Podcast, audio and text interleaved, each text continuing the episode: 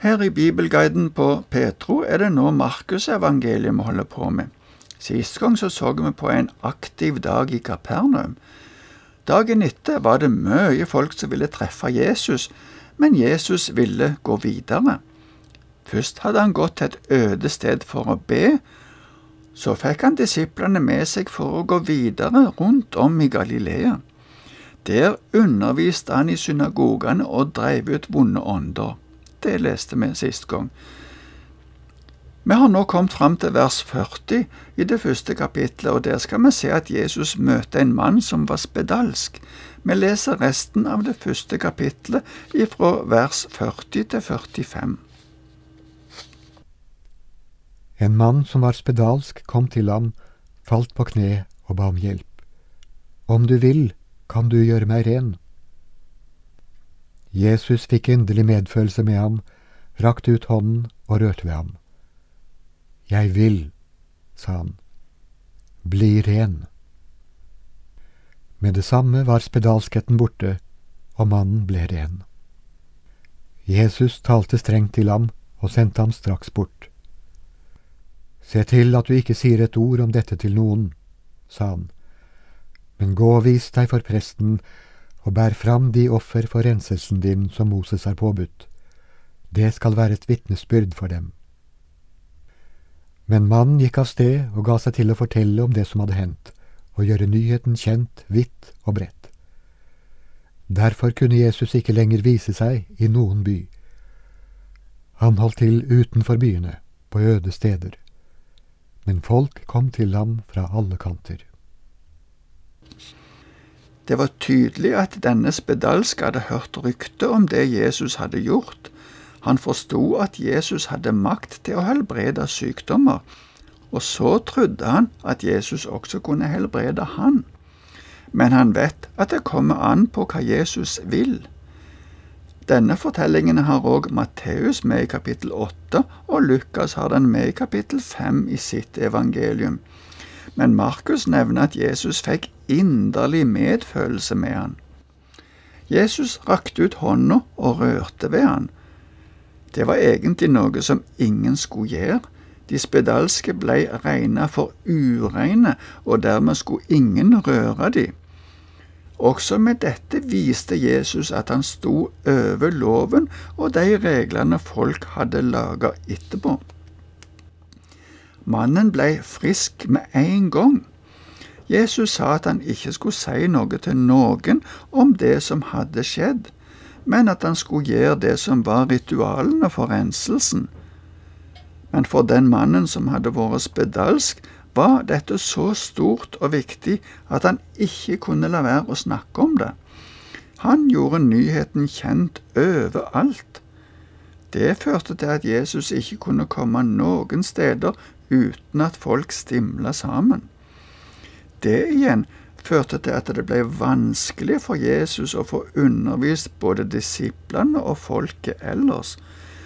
Derfor gikk han og disiplene rundt på mer øde steder, men allikevel strømma folk til fra alle kanter. Vi fortsetter nå i kapittel to. Her får vi også se et møte mellom Jesus og en enkelt person. I dette tilfellet var det likevel midt i en folkemengde.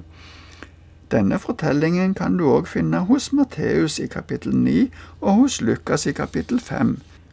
Vi leser nå her. I Markus 2 og 3 så ser vi at Jesus er populær og opplever suksess, kan vi si, men vi ser òg at motstanden øker. Men nå skal vi først lese de første tolv versene fra kapittel 2. Noen dager senere kom Jesus igjen til Kapernaum, og det ble kjent at han var hjemme. Det samlet seg så mange at de ikke fikk plass, ikke engang utenfor døren. Mens han forkynte ordet for dem, kom de til ham med en som var lam. Det var fire mann som bar ham. Men de kunne ikke komme fram til ham på grunn av trengselen. Derfor brøt de opp taket over stedet der han var, laget en åpning og firte ned båren som den lamme lå på. Da Jesus så deres tro, sa han til den lamme, Sønn, syndene dine er tilgitt. Nå satt det noen skriftlærde der, og de tenkte med seg selv, hvordan kan han si slikt? Han spotter Gud. Hvem andre kan tilgi synder enn én? Det er Gud. Straks visste Jesus i sin ånd at de tenkte slik, og han sa til dem, Hvorfor går dere med slike tanker i hjertet? Hva er lettest å si til den lamme, syndene dine er tilgitt, eller stå opp, ta båren din og gå? Men for at dere skal vite at Menneskesønnen har makt på jorden til å tilgi synder, og nå vender han seg til den lamme. Jeg sier deg, stå opp, ta båren din og gå hjem. Og mannen reiste seg, tok straks båren og gikk ut rett for øynene på dem, så alle ble ute av seg av undring. De priste Gud og sa, Noe slikt har vi aldri sett.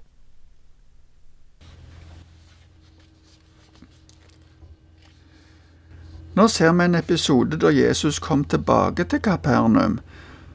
Som vi har sagt tidligere, er Markus mest opptatt av gjerningene til Jesus, men vi ser òg at Markus også forteller her i vers 2 at Jesus talte ordet. Det var så mye folk som hørte på denne talen, at folk sto tett i tett både inne i huset og utenfor. Det var nok mange som hadde forventninger om å se at Jesus gjorde under. Men i fortellingen her er det også noen som, fordi de har forstått at Jesus kan gjøre slike under, blir motivert til å hjelpe en venn av de som er lam, til å komme til Jesus. De var nok fortvila da de opplevde den store trengselen, og at de ikke klarte å komme fram der som Jesus var. Hva som skjedde videre, leste vi, men det er jo fint å se at Jesus så deres tru. Jesus så at disse personene hadde tillit til at Jesus kunne og ville hjelpe vennen deres. Men de ble sikkert forundret over det som Jesus sa. Han begynte å snakke om syndene til den lamme. Det står jo ellers ikke noe om at det var noen synder som mannen hadde gjort, som var årsak til at han hadde blitt lam. Det var nok heller ikke det som var i tanken til disse vennene da de bar han til Jesus. Men vi må også ta med at det Jesus sa om disse syndene, var at de var tilgitt. Det var ikke noen anklage Jesus kom med. Det er et ord vi òg kan ta til oss. Jesus kom for å tilgi synder, ikke for å anklage. Markus tar med at det var noen skriftlærde der som reagerte negativt på det som Jesus sa. De mente, og det med rette, at det bare er Gud som kan tilgi synd. Dermed måtte det enten bety at Jesus var en bedrager som ga seg ut for å være Gud, eller så måtte han være Gud hvis dette skulle være mulig. Det var nok den første holdningen de hadde, at Jesus var en bedrager. Jesus oppfatta hva de tenkte, og stilte et spørsmål. Hva er lettest å si? Hvis han sa til den lamme at han skulle stå opp, ta senga og gå, ville det lett kunne bli sjekka opp og se om det skjedde. Men det første utsagnet kunne ingen sjekke, Derfor brukte Jesus helbredelsen for å vise at han hadde makt til å tilgi synder. Underet gjorde et mektig inntrykk på alle som var der, men etter dette møtet gikk Jesus videre. I fortsettelsen ser vi et møte mellom Jesus og en annen person, nemlig Levi. I Matteusevangeliet kalles han for Matteus, og det er nok han som skrev det evangeliet men la oss nå lese om dette møtet fra vers 13 til 17 i kapittel 2 hos Markus. Igjen gikk Jesus ut langs sjøen. Mye folk kom til ham, og han underviste dem. Da han gikk videre, fikk han se Levi, sønn av Alfeus, sitte på tollboden. Jesus sa til ham, Følg meg, og han reiste seg og fulgte ham. Senere var Jesus gjest i huset hans, og mange tollere og syndere var til bords sammen med Jesus og disiplene, for det var mange som fulgte ham. Da de skriftlærde blant fariseerne så at han spiste sammen med syndere og tollere, sa de til disiplene, Hvorfor spiser han sammen med tollere og syndere? Jesus hørte det og sa til dem, Det er ikke de friske som trenger lege, men de syke. Jeg er ikke kommet for å kalle rettferdige, men syndere. Levi, eller Matteus, var toller og sikkert ikke særlig populær iblant folk, men Jesus sa han skulle følge han. Han var jøde, men jobba for okkupasjonsmakta, for romerne. Da Jesus kalte på han, ser det ut til at han reiste seg opp med en gang og fulgte etter Jesus. Som sagt så ble han òg etter hvert en av de tolv apostlene. Noe av det første Levi, eller Matteus, gjorde, var å invitere mange av sine tidligere kolleger til selskap. Markus skriver syndere og tollere. Det var jo slik mange jøder så på tollerne, som landssvikere og dermed som syndere. Det nevnes ikke noe annet konkret som karakteriserer disse personene som syndere, men det er tydelig at de skriftlærde og fariseerne la merke til at Jesus var sammen med alle disse som for dem var dårlige folk. Fariseerne spurte disiplene hvorfor Jesus gjorde det.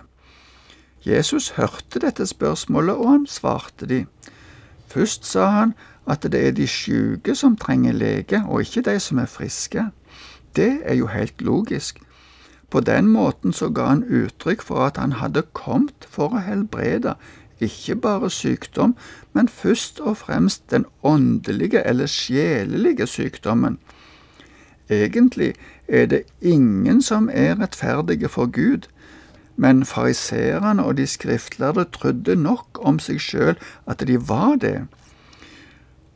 Før vi slutter i dag, så skal vi ta med oss spørsmålet om du og jeg har bruk for Jesus som en som kan hjelpe oss med vår synd. Trenger du Jesus for å få tilgitt synda og bli rettferdig? Takk for nå.